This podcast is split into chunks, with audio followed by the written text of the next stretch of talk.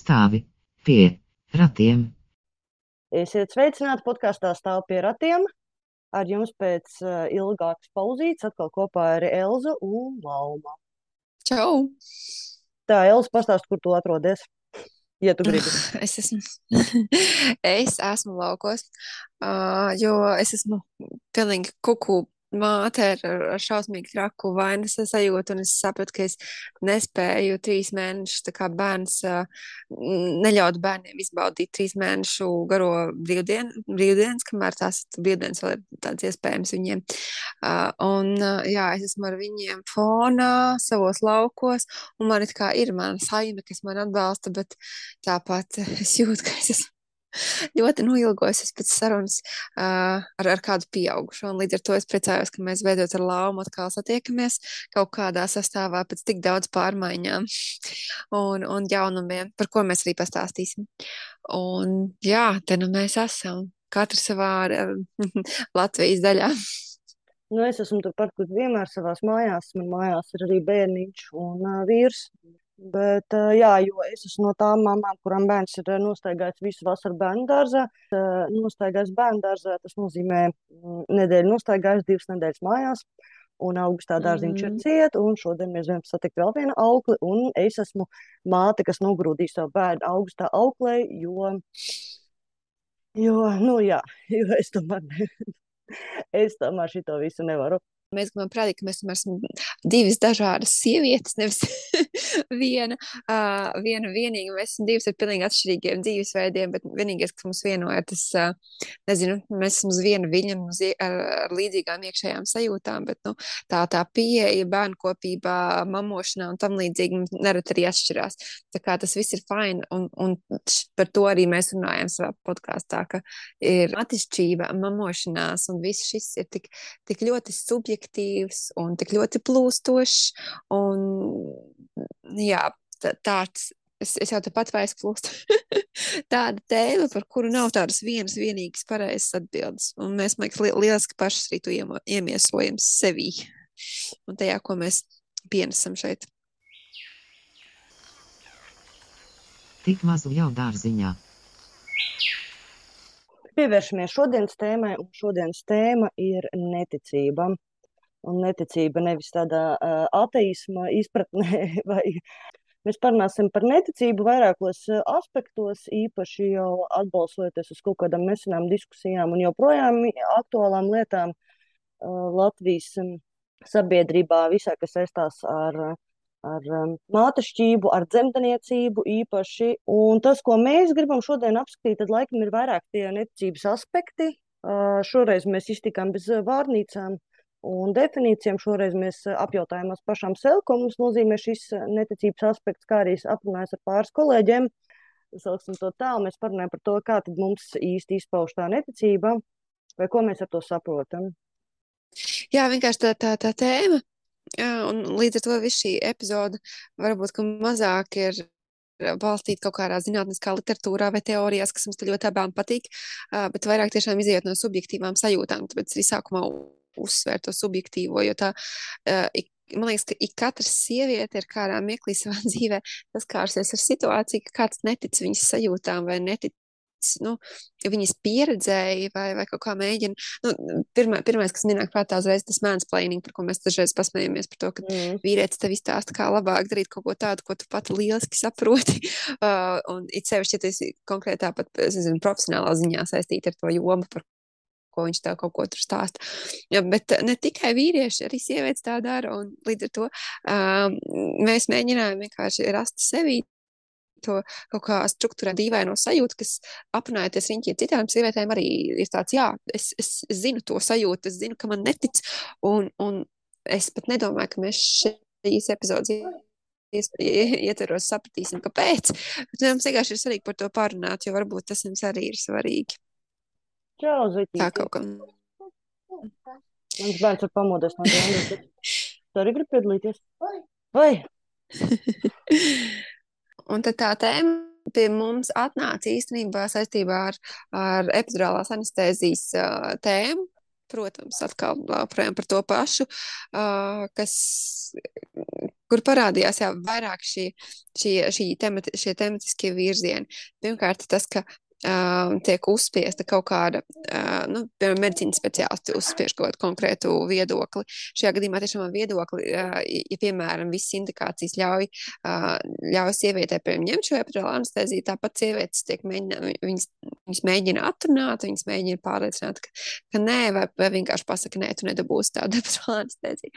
Un, un parasti šajā, šajā pārliecināšanas uh, taktikā ietilps kaut kādi teksti par to, ne, tik traki jau nesāp. Un, nu, piemēram, apskatēs, ja mēs saskārāmies, ka kādas sievietes dalījušās ar tekstiem, ka apskatēs, piemēram, pasaka, ka, nu jā, ja tev šitas sāp, tad ko tu darīsi dzemdībās vai kaut kas tam līdzīgi. Respektīvi, neticības sievietes sajūtām. Tā var būt lama. Neticības sievietes pieredzē, Man pat šķiet, ka tas ir ne tik daudz kā neticība, kā neusticēšanās tam, ka sieviete ir spējīga pati formulēt savas sajūtas. Tas ir, tāds, nu, tas ir tas, par ko mēs esam runājuši iepriekš, par to, ka dzemdībās sieviete nerad tiek infantilizēta. Jā, protams, Jā. ir kaut kādi brīži. Es jau nu pat pirms pāris dienām dalījos ar savu dzemdību stāstu, katei, dūlai katei. Nu, lūk, es savā dzemdību stāstā, protams, arī atcerējos to, ka uh, tad, kad ir teiksim, iztumšanas fāze vai tā sāpes ir tik mežonīgas, tad jā, ir ļoti grūti komunicēt savas uh, vajadzības, savas lietas, un tāpēc ir nepieciešama šī mana ticēšana, uzticēšanās vecmātei vai dzemdību partnerim vai personām, kurš tur ir. Bet, ja šī uzticēšanās nav gūta jau pirms tam, kontrakcijas un vispār dzemdību process patiesībā ir diezgan ilgs, un ja tā laikā jau tev tiek apmēram pasniegts, ka, nu, tā, ka tu neesi īsti uh, tiesīga šobrīd spriest pat par savām uh, sajūtām, tad uh, tas var arī nogriezt, uh, tas principā jau tajā brīdī var radīt ļoti traumatisks izjūtas. Jo jā, tas rada tādu bezpalīdzību un tādu sajūtu, ka, nu, jā, ka, tu, ka tā, nu, tavam viedoklim un tavam, tavam pat ne viedoklim, nu, kāds tur ir viedoklis, vai ne, bet tavām izjūtām nav, um, nav jēgas.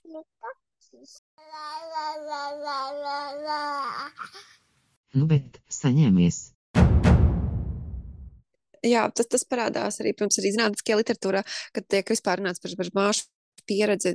Es jau liekas, esmu minējis, ka tā dzen, mūsdienu dzemdību medikalizācija, un es pētījumus esmu lasījusi, un sievietes ir stāstījuši, tā kā narratīvi, sieviešu narratīvi ir šķetināti par to, ka, nu, būtībā visi nosaka, tad angliski labāk izklausās, bet nu, tie baltie uzsvārči un, un visas šīs, šīs tehnoloģijas, kas it kā var noteikt teikt, cik tev tur spēcīgas kontrakcijas, kāda ir sirdstoņa un tam līdzīgi, bet pazūd tas, tas tā holistiskās tas holistiskais skatījums uz sievieti un bērnu šajā fizioloģiskajā procesā vai arī ķēzargrieziena operācijā. Nu, tur, tur, protams, tās sajūta ir citādākas, bet pazūd tā kopaina un, un mēs redzam tikai cipariņus un, un mēs uzticamies vairāk kaut kādai statistikai, kaut kādai mašīnai, nevis sievietei, kas pār tam cauri, un atkal atgriežoties pie tā, ko es pirms tam teicu, sieviete tiek vai nu infantilizēta, vai arī tiek uztverta kā vienkārši nu, kā ķermenis. Nu, nevis kā persona, bet kā ķermenis. Un kāpēc, šai personai būtu sāpes? Sāpes uh,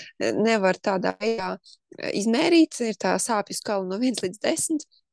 Un, uh, ja, ja pat ja viņa pasaka, es nezinu, man desmit, man ir desmit, es raudu, es, es, es esmu ieķērusies, iekrampējusies gultā, bet tad tas netiek nolasīts, jo, es nezinu, tiek, varbūt kāds uzskata, ka, ka viņa simulē, varbūt, viņa, esmu dzirdējis, oh, viņa jau tur čīkst, vai arī viņa tur uh, memīt, vai, vai, vai kaut kas tam līdzīgs. Nu, Protams, mēs iebraucam mazliet tādā emocionālā vardarbībā, un par to tēmu šodien varbūt, ka nē, bet respektīvi uh, jā, ne, neusticēšanās sievietes, uh, sievietes domām, sievietes vajadzībām, spējai nolasīt savu ķermeni, kā jau spriest spēja. Spriest, spriest spēja par to, ka tas, ka tas ne, ne, nevis ne tikai netiek nolasīts, bet uh, ir zinām, mēs redzam, ka ir kaut kādi gadījumi, kuros ir pat zinām pretestība vispār vēlmei to kaut kā uztvert.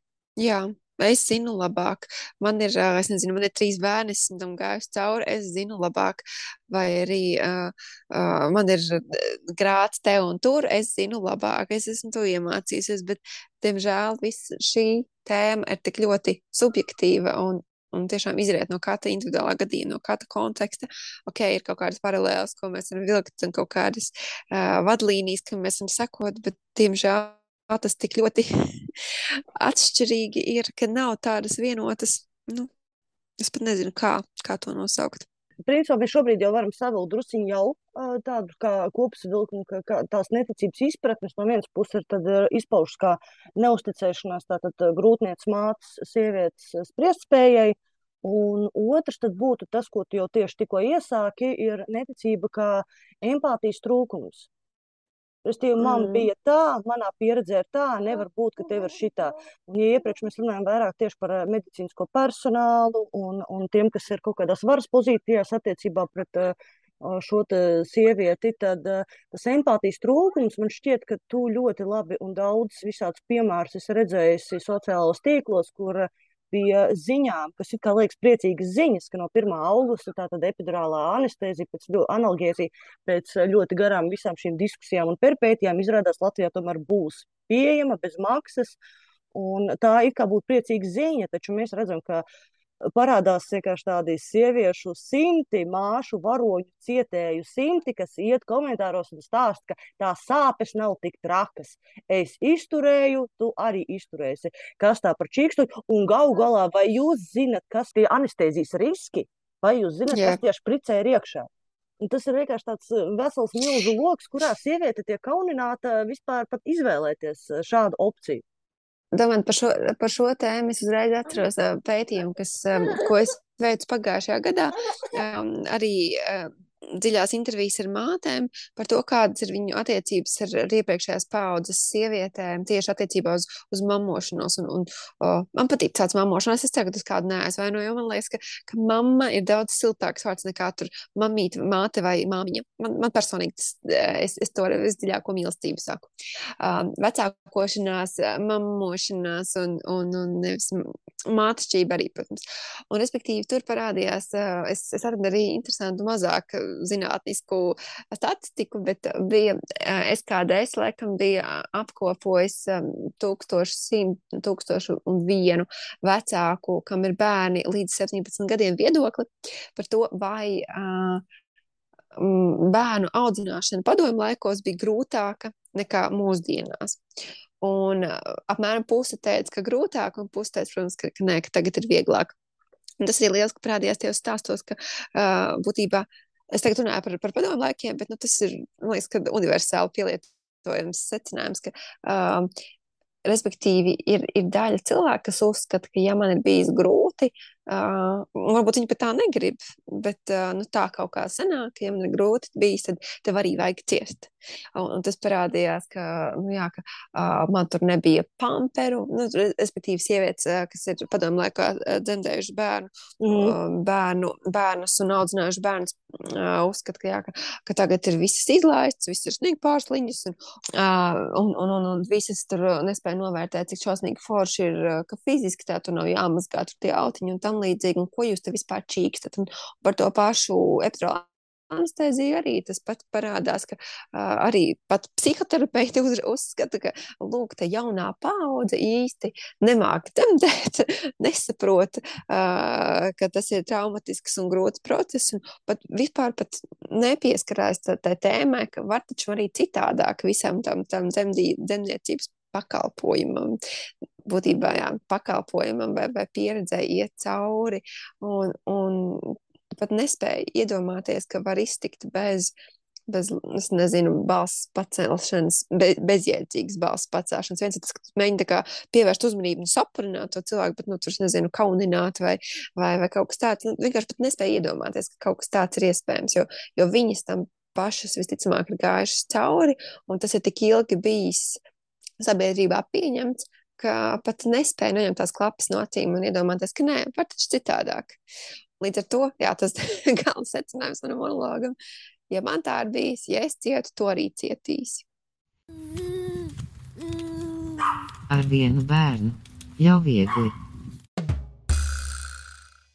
Nu jā, tas, tas ir Man šķiet, ka tas cilvēks sajūtas, ka apmēram ka viņa ciešanas vai sāpes vai kaut kas nav bijis jēgpilns, ka tam nav bijis kaut kāds reāls pienesums. Un tas visticamāk, nu, protams, nu, labi, tas, tā ir bijis viena kāda psihoterapeita, kas izteicās par to dzemdībām kā traumu. Es ceru, ka Latvijā ir pietiekami daudz psihoterapeitu, kas tomēr spēj kaut kādus labākus vārdus izvēlēties. Bet uh, tas, ko man šķiet, ka es arī neesmu nekāds psihoterapeits, un man nav tiesību nekādu spriedumu par cilvēkiem izdarīt, bet mans pieņēmums ir tāds, ka uh, cilvēki, kuriem ir tik svarīgi, lai arī citi cieš, ir ļoti nepārliecināti par to, vai tās viņu ciešanas tiešām ir bijušas jēgpilnas. Nu, lūk, un ka, ja bez tām uh, izrādās, ka var iztikt, tad uh, viņu pasaules aina iespējams, brūk kopā. Viena no, viens no tādiem piemēriem, ko mēs šobrīd redzam, labi, tas varbūt nav šobrīd ļoti par tēmu, bet tas šobrīd ir ļoti aktuāli. Tas, ko mēs ir pēdējo divu dienu cepiens Twitterī par to, ka izrādās, ka uh, dažiem uh, cilvēkiem liekas, ka uh, disciplīna nozīmē bērnu tad iepērt, Un tad mēs sākam diskusijas par to, cik daudz pērt ir ok un cik daudz nav, un kā pēršana atšķiras no sišanas. Tam līdzīgi visādi viedokļi parādās ārkārtīgi interesanti, bet viņiem viss ir viens vienojošais, ka tie cilvēki, kuri ir bērnībā sisti un pērti, Un vēl šobrīd kā, atbalsta to savu pērienu. Viņi mēģina ļoti validēt to savus, um, savus uzskatus, uh, argumentēt tos ar to, ka redz, kā tas izauga normāls. Nu, pirmkārt, jautājums mm. ir, Vai no nu, tavu tvītu mēs tā tiešām varam spriest, spriest, vai tas ir normāls, par to, lai spriež speciālisti. Uh, pat abstrahējoties no tā, vai uh, ir ok vai nav ok uzskatīt, ka bērns sist, ka tā ir pilnīgi cita tēma. Bet um, otrs ir tas, ka tiešām ir tāda sajūta, ka tiem cilvēkiem pazūd kaut kāda viņa identitātes daļa, kas ir šīs ciešanas bijušas, ka redz, es kaut kādu mācību esmu caur to guvis, redz, kā man dzīve ir nu, virzīsies uz priekšu, un es vēlos, lai visi iziet pa, šo pašu izaugsmas ceļu. Un tas ir atkal tāda, atkal mēs atgriežamies pie tādas infantilizēšanas, ka, kāds, ka, ka mēs ka šie cilvēki, kuri uzskata, ka otram ir jācieš, jo es cietu, ka viņi, viņi jau vēl labu. Viņi vēlas, lai cilvēks iziet to pašu ceļu, ko viņš ir Bet, eh, bet uzskatot, ka, ja tur nebūs kaut kādas ciešanas un sāpes bijušas dzemdību procesā, vai bērnu audzināšanas procesā, vai jebkurā, tā tad, eh, tā tad tur nenotiks kaut kāda veida iniciācija vai izaugsme vai kaut kas tāds. Nu, tāds Nopietni. Man šķiet, ka ir tas... pietiekami daudz citu rīku, pilnīgi citu veidu, kā cilvēki aug, kā cilvēki pilnveidojas, kā cilvēki uzzina par lietām, ne caur personīgu traumu. Vai pareizāk sakot, caur katram mums ir kaut kādas traumas, bet jautājums ir, kā mēs viņus procesējam. Ja mēs pasakām, ka mana trauma ir ok, viņa man kaut ko iedod mācīja, jā, labi, tev, bet tev nav tiesību viņu kā, uzspiest arī man. Tieši tā. Man ir 5 centi. Es vairs neatceros, kā latīniski bija tas teiciens ar ēkšķiem uz zvaigznēm. Uh, un, un domājot par to arī, ka, ka tā rūdās tērauds un tam līdzīgi. Var būt bez cišanas nav nekāda lietas koks, bez ciešanām nav, nav laimes un tam līdzīgi. Bet, uh, Uh, varbūt tu nespēji novērtēt to, kas tev ir, ja tu neesi izgājis cauri LA. Un, ok, tā varbūt. Tā varbūt kāds var dzīvot un, un, un, un es nezinu, valdēt to savu pieredzi un, un kaut kā sajusties labāk, ja viņam ir bijis grūti. Bet man liekas, ka um, man nav tagad precīzi datu uz rokas, bet uh, es atceros, ka es lasīju um, ka salīdzinoši, pamazām tā bērnu audzināšanas pieredze kļūst ar vien bērnu audzināšanas pieeja, bērnu audzināšanas pieeja kļūst ar vien mazāk vardarbīga, un, un mēs tomēr arī uzsveram to, to emocionālo jomu. Un tas, domāju, tas bija saistībā ar Lielbritāniju, ka tur bija skatīts uh, kontekstā ar to, uh, cik daudz ir uh, kaut kādas violence un tam līdzīgi ielās un, un, un sabiedrībā kopumā, un skatīts kopumā kā, kā paralēli, kā ir mainījušās tās bērnu audzināšanas tehnikas, un tur bija kaut kādas paralēlas. Man tagad ir bail sameloties. Tāpēc es neteikšu skaitļus, bet uh, tas, ka agrāk bija tieši mežonīga tā pasaule, un, un joprojām ir mežonīga pasaule. Uh, mēs, mēs vienkārši dzīvojam it kā, it kā pēdiņās civilizētajā daļā nosacīti, bet tāpat es neticu, ka, uh, ka nu, šis ir mans subjektīvais vērtējums. Es neticu, ka, ka tu vari iesist bērnam uh, kā, pareizo dzīves ceļu ar spēku. Spēku. Es neticu, ka var ar spēku izaudzināt uh, labu cilvēku, jo īstenībā uh, Viktorija Ozolēšana viņa bija dalījusies ar uh, savu blogu ierakstu, kur bija citēta grāmata um, uz neiroloģiskiem pētījumiem balstīts uh, secinājumi, ka, uh, ka izmantojot agresiju, un tas ir vairāk par mums runājot par, par bērnu, bet es pieļauju arī, ka pieaugušo, ka, ka tu drīzāk novērst uzmanību no tā, ko viņš ir slikti izdarījis, pievērs uzmanību tam uh, reāli tad, tad, tam cilvēkam, kas reaģē, un uh, saisti vienkārši tu, koncentrējies uz to, ka tev viņš ir nodarījis sāpes, tu ne, neanalizē savu to uh, rīcību, tu vienkārši atcies, jā, tas ir sāpīgi, un, un tas nekad ilgtermiņā nav labi. Vajag mācīt, ka nedrīkst. Atbildot to, ko tu pirms tam teici, jā, tur jau tā lieta, mēs uh, atkal par varas spēlēm, sieviete, grūtniece, uh, sieviete dzemdībās, viņa kaut kā vairs nav noteicēja, tā kā agrāk, uh, kad uh, tas viss nebija tik ļoti medikalizēts, Un sanāk tā, nevis viņa vada savas dzemdības ar vecmātes vai dūles atbalstu, bet uh, viņa tiek ieslodzīta kaut kādos uh, aparātiņos, kas pasaka priekšā. Nu, es tagad, protams, visu to pārspīlēju, bet, nu, sanāk, jā. Un tad uh, viņa ir tāds ķermenis, kas, kas vienkārši pakļaujās tam visam. Un kāpēc gan tam ķermenim neuzkliegt? Tā. Jā, un tad tieši arī es skatos, tā kā man ir vaļā mūsu tās um, piezīmes, tad jā, tu arī minēji par tām varas spēlēm, ka principā ir mainījusies taču tā izpratne, ka kādreiz cilvēki jau bezmazliet bērnus uzskatīja, ka viņi nejūt sāpes, vai, vai nu, ka tāpēc jā. viņas ir ok, vai ne pērt un tam līdzīgi, jo, nu, tās viņu sāpes viņi jūt, bet viņas nav, tā kā, nu, viņas nav svarīgas. Viņas nav svarīgas, jā. jo viņas ir nepieciešams upuris kaut kādam, kaut kāda procesā. Un uh, tad, tad mēs, nu, labi, kā izrādās Latvijā, mēs pat šim neesam īpaši pārtikuši, par ko mēs runājam. Nu, nu, spoks, par dzemdēšanu nu. sievietēm. Nu, spoks, protams. Tieši tā, uh, un, un lai, lai cik katru reizi, kad kāds jums aizstāv spoku, atcerieties, es izlasīju to grāmatu intereses pēc to, ko lietoja vēl 80. gados. Uh, tā grāmata ir, nu, pirmo reizi latviešu valodā viņa parādījās 70 kaut kādā tur pirmajā gadā vai kaut kas tāds, un uh, tur ir rakstīts, ka pērt ir ok. Nu, tas ir da daļa no disciplīnas. Līdz ar to, uh, jebkurš, kurš jums saka, nē, Spoks ir laba grāmata, metiet viņiem ar to grāmatu. Tā pilnīgi noteikti nav laba grāmata. Nu, jā. Ja reiz viņš citu valodu nesaprot, tad acīm redzot, viņu vajag iepērt ar to grāmatu. Ja reiz tikai tas strādā. Man šodien Twitterī stāstīja, ka es braucot virsū normāliem cilvēkiem, kad es sabraucu virsū tiem, kas aizstāv bērnu pēršanu, beig beigās es esmu sliktā. Uh, nu, lūk, bet viņi esot normālie. Nu, okay. Lai būtu. Nē, nu, es saprotu, ka Twitterī tomēr ir viegli pārprast un tā, bet, ja, nu, bet uh, kas, kas arī no vienas intervijas, uh, man, man iznāca forši cauri, jo es šobrīd paralēli veicu arī pētījumu par, par Twitter un mamošanos. Uh, ļoti interesanti atziņa nāca cauri, ka atšķirībā no rakstīta materiāla, Twitter tomēr piedāvā telpu sarunai un attīstīt to domu un atrast kaut kādu veidu kompromisu, paskaidrot sevi. Līdz ar to, ja tu neiz, nu, protams, katram jau tu nevari to paskaidrot, ja tur aiziet līnča tiesa loģiski, nu, tad labāk tur pazust. Bet būtībā nu, tas ir slikts attaisnojums, kā ja man tur 140 zīmēs, 280 zīmēs nesaprata. Nu, tad varbūt nevajag teikt to. Ja tas ir tik šausmīgi kontroversiāli, ka tu nevari skaidri to pateikt. Ka nenosalst.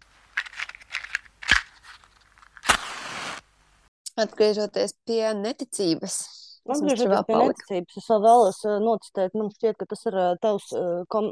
tu esi iecitējusi šeit komentāru, es tā pieļauju, ka tas ir komentārs no kaut kurienes, kur ir uh, teikts tā.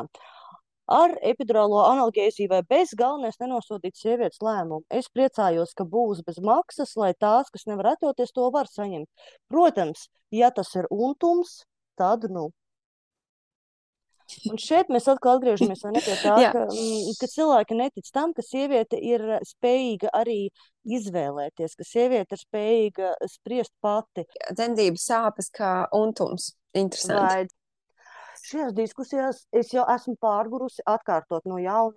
Dzemdību procesā m, mm, sieviete nepieņem gala lēmumu par epidurālo analgēziju jebkurā scenārijā. Arī dzem tad, ja viņa ir bez maksas un visiem pieejama, Tā ir vecmāte kopā ar anesteziologu, kuri izspriež, vai šajā konkrētajā gadījumā šī te atsāpināšana ir piemērota vai nē. Nu, nebūs tā, ka man ir epilepsija un vēl kaut kas, es nezinu, visā manā, nu, es nezinu, kāds ir tās eh, kontraindikācijas, bet, piemēram, man ir pilna buķete, bet mans untums ir eh, epidurālā anestezija, ka tad es viņu dabūšu.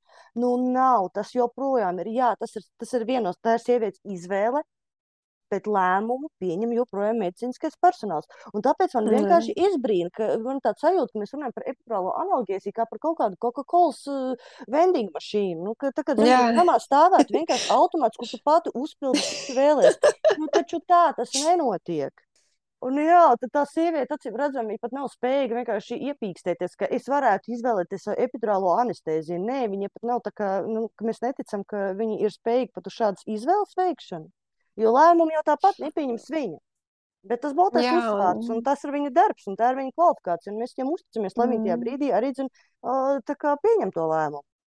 Jā, es, es vienkārši iemeklīgi gribētu vēl iesprāst disclaimer, ka uh, mēs, mēs ļoti cienām medicīnas speciālistus un, mēs ticam, ka, ka lielākā daļa no viņiem ir superīgi. Tāpēc nu, arī lielākā daļa, uh, es redzu, ka uh, Relija Viņa bija uztaisījuši savā Instagram kontā ļoti neoficiālu aptāju. Tur bija ļoti daudz, man liekas, ap tūkstošu māmiņām, mātēm.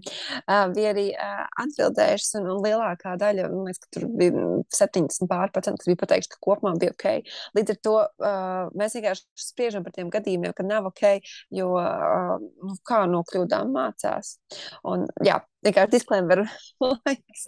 Uh, bet par to, par, tā, par tiem utumiem tā, es vienkārši arī domāju par šo kontekstu. Man arī nesen uzticēja pieredzi, ka uh, bijusi pat uh, tā dzemdību stimulācija. Un neviens ar pušplāsta vārdu pat nav piedāvājis uh, epidurālu anesteziju. Lai gan tajās indikācijās ir teikts, ka tajā mirklī ir obligāti jāpiedāvā, un tas ir gadiem jau tā bijis. Un līdz ar to tagad, kad uzskata, uzskat, ka tagad daļa uzskata, ka tagad visi skries un prasīs, un, un kā tad šitā un visām nepietiks, nu par ko mēs vispār runājam. Nu jā, meitenes, vai jūs esat informēti no, par riskiem? Atkal tam. Uh, un, un tā otra lieta, tas, ka uh, vēl joprojām taču nav veikta vispār tādas datas statistika par to, ko vispār, nu, cik daudz sievietes gribētu vispār kaut ko tādu. Nav noslēpums, ko mamma ir anesteziologs. Viņa strādā Minhenē, Sarkanā krusta slimnīcā, vienā no lielākajām dzemdību iestādēm Bavārijā. Respektīvi, jā, viņam ļoti daudz tas dzemdētājs nāk cauri, un viņi saka, ka nu, arī pie viņiem ir problēma, ka, nu, bet viņi ļoti, ļoti tam iet. Proaktīvi un mēģina risināt katru gadījumu, ja parādās, jo ir ļoti daudz lietas, kuras arī Latvijā netiek vienkārši ierakstīts kaut kādā slimības vēsturē, nav pat piefiksēts, ka sieviete varētu gribēt uh, epidurālu anesteziju. Līdz ar to mums nav pat nekāda data par to, lai, lai noskaidrotu, vai tiešām viss tagad skries un, un tu maini tagad pie, pieprasīs. Atvainojos. Man tik drausmīgi smieklīgi tas lietas. Man ir untums, es gribu. Come on. es nevaru to izturēt. Mans personīgais piemērs laikam ir tas, ka, jā, es neizvēlējos epidurālo analgēziju, Uh, es biju nolēmusi viņu neizmantot pirms dzemdībām, bet es biju at atstājusi brīvu prātu, ka, ja gadījumā es mainu savus domas, nu, tad labi viņi būs. Ar vecmāti mums viss bija izrunāts, un man bija līguma vecmāte. Es vispār nu, esmu privileģēta jauna sieviete.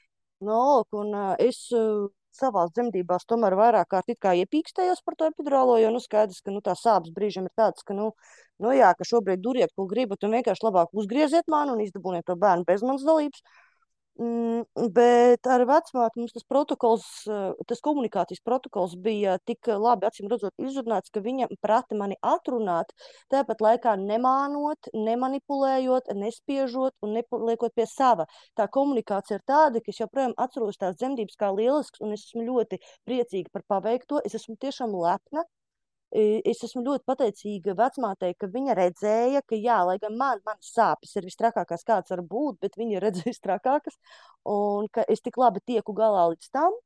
Un viņa tieši ar šo pozitīvo iedvesmošanu uh, mani pierunāja, ka Lauma, tu varēsi tikt galā bez. Un tas ir tas, ko es sagaidu arī visās savās nākamajās dzemdībās, cik man viņas ir laimes māte paredzējusi. Ka lai kāda situācija būtu, tomēr mans lēmums ir galvenais. Un tas, ka nevis man pasaka, ka tev nevajag, jo nu, tev nesāp tik ļoti. Vai arī tu taču nu, citas iztur, bet tieši iedot to to agency, to kaut kā to rīcību spēju manās rokās, ka, ka jā, es varu to izdarīt. Un es pieļauju, ka es arī es būšu tas cilvēks, kurš varbūt arī nākamajās pamēģinās bez, a, varbūt arī eju, sazin, kā būs. Nu, katrā ziņā svarīgi ir tas, lai tā izvēle ir. Jā, un, un tas, ko es dzirdu tavā stāstā, ļoti laba komunikācija.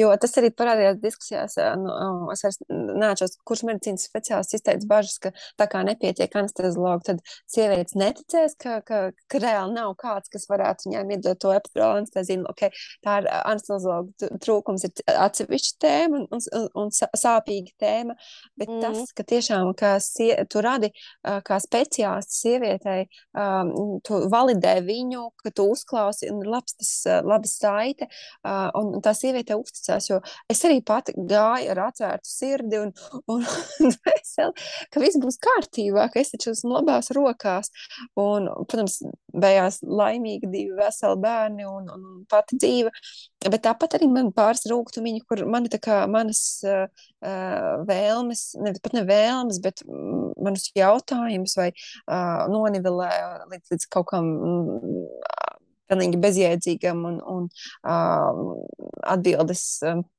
nepelnošam, vai arī nu, tiešām tā inf infantilizēšana, ka tev kaun, kaunina un, un ko tu vispār iedomājies un tam līdzīgi. Respektīvi, komunikācija un savstarpēja uzticēšanās. Nevis tā neticība, par ko mēs visu laiku runājam. Neņem rokās, izlutināsi, Un pat ja jūs neticat, pat ja jums tiešām šķiet, ak, Dievs, ko tas cilvēks vai bērns, runājot arī par bērnu, vai tad jums ir grūti pateikt, jā, es ticu, ka tev sāp. Jā, es ticu, ka tev ir pēdīgi. Tāpat kā mums mācīja pret bērniem izturēties ar cieņu un, un, un tādu pašu cieņu, kā mēs teorētiski izrādījām, varbūt pieaugušiem, tāpat ar sievieti grūtniecībā vai gaidībās vai dzemdībās. Vai izturamies kā par cilvēku. Vai cik absurdi kaut ko tādu man liekas. Tad, kad es pajautāju tam savām kolēģiem, mamām par uh, to, kas viņiem asociēs ar neticību, vēl viens tāds ļoti interesants aspekts, tad, ar, ko, tas ir tāds ļoti liela tēma, bet, nu, laikam, īpaši daudz nav, uh, ir mammas neticība sev. Un Jā. tas viss ir sekas tam, par ko mēs iepriekš runājām, ka, ja tev pietiekami daudz cilvēku no ārpuses ir presējuši, ka viņi netic, nu, tā, ka tev pietiekami daudz ir apšaubījuši tavu spriestspēju, tad pazūd tava spriestspēja pret tevi pašu ka e, visi laiku stāsta, ka mamma zina labāk un ka tu sajūtīsi mācības instinktu un visu šo, par ko mēs arī jau krušķērs izrunājušos, ir tā, ka tad uh, pazūd mācības ticība vispār tam, ka viņi spēja pieņemt kaut kādus lēmumus, pat visīkākos tālāk jau, nu, tā kā par sevi, par savu ķermeni, par savu bērnu, par savu bērnu izvēlēm, jo galu galā arī ir mūžīgā neticība par to, ka kāda var zīdīt, vai tieši otrādi, ka kādai tur vēl ir piens, un tā vai ne, un tas, ko sievietes piedzīvo arī dzen, šī, šī veida neticība, tas viss tālāk turpinās un turpinās tādā lavīnas veidā, vienkārši audzēt tādu sniega bumbu ar, ar, ar veidiem un izpausmēm, kādās uh, mammas, uh, mammām netiek ticēts. Tad jā, tas viss beidzas ar to, ka man pats to, jā. Tā.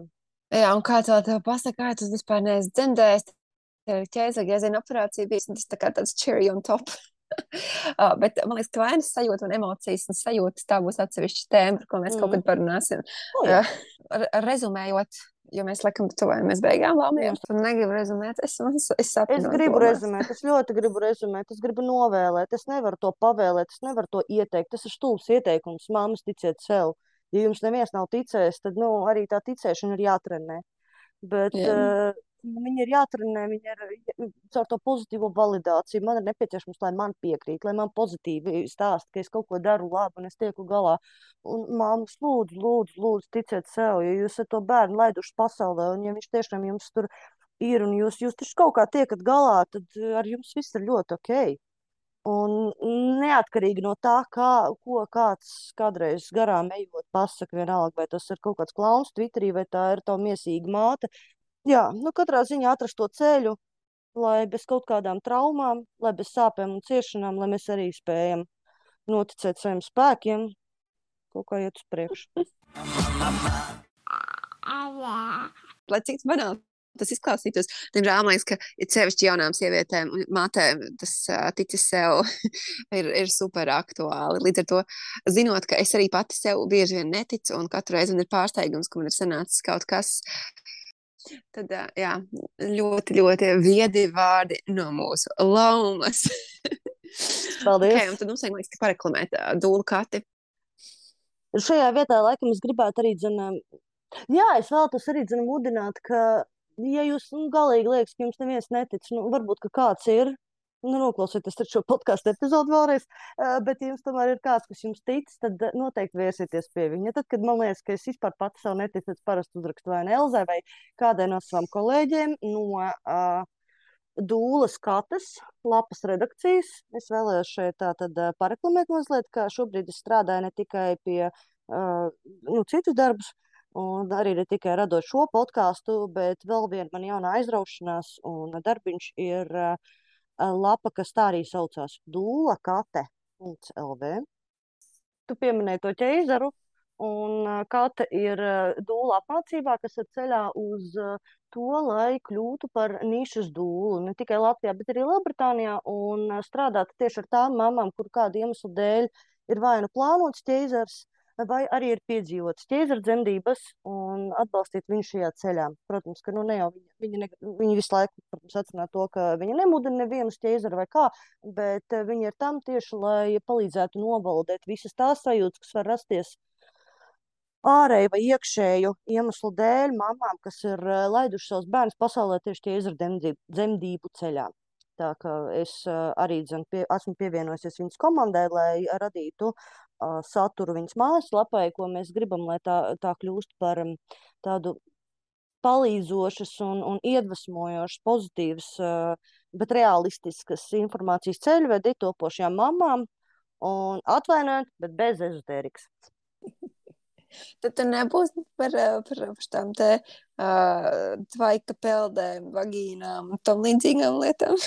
mm, varbūt, ka būs, jo varbūt, ka kādai tas palīdz. Ja viņi sazina, kas tur slikts vai nē, ir, bet uh, noteikti ne par to, ka tā ir kaut kāda panacēja vai ka māmiņai ir jāvar ziet sevi vaļā un tad viss notiks.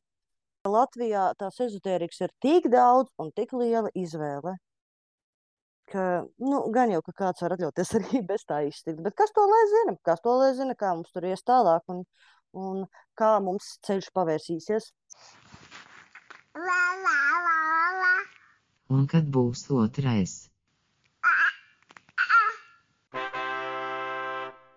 Nu, tā uz šādas te nots mēs varētu beigt. Vispār man šķiet, ka tā kā mēs jau esam gadu ilgs podkāsts, un šī ir jau 14. epizode, tad mums vajadzētu uzvesties kā profesionālam uh, podkāstariem pienākas un arī dzen, pastāstīt, ka lūdzu sekojiet mums Facebookā at stāv pie ratiem, sekojiet mums Twitterī un izsakiet savus atsauksmes par šo podkāstu, šo epizodu vai citām, vai vienkārši atnāciet parunāties at māmiņkonts un at miers mājās. Reklamējiet mūs arī vietās, kurās mēs neesam vēlams. Mums ļoti interesē arī saskarties ar paralēlu realitāti, kā mēs ik pa brīdim arī saskaramies. To arī varētu beigt. Paldies, Elza, par šo satikšanos. Paldies, Paldies Lauma. Un tad uz līdz citai reizei. Jā, davai. Čau! Atā!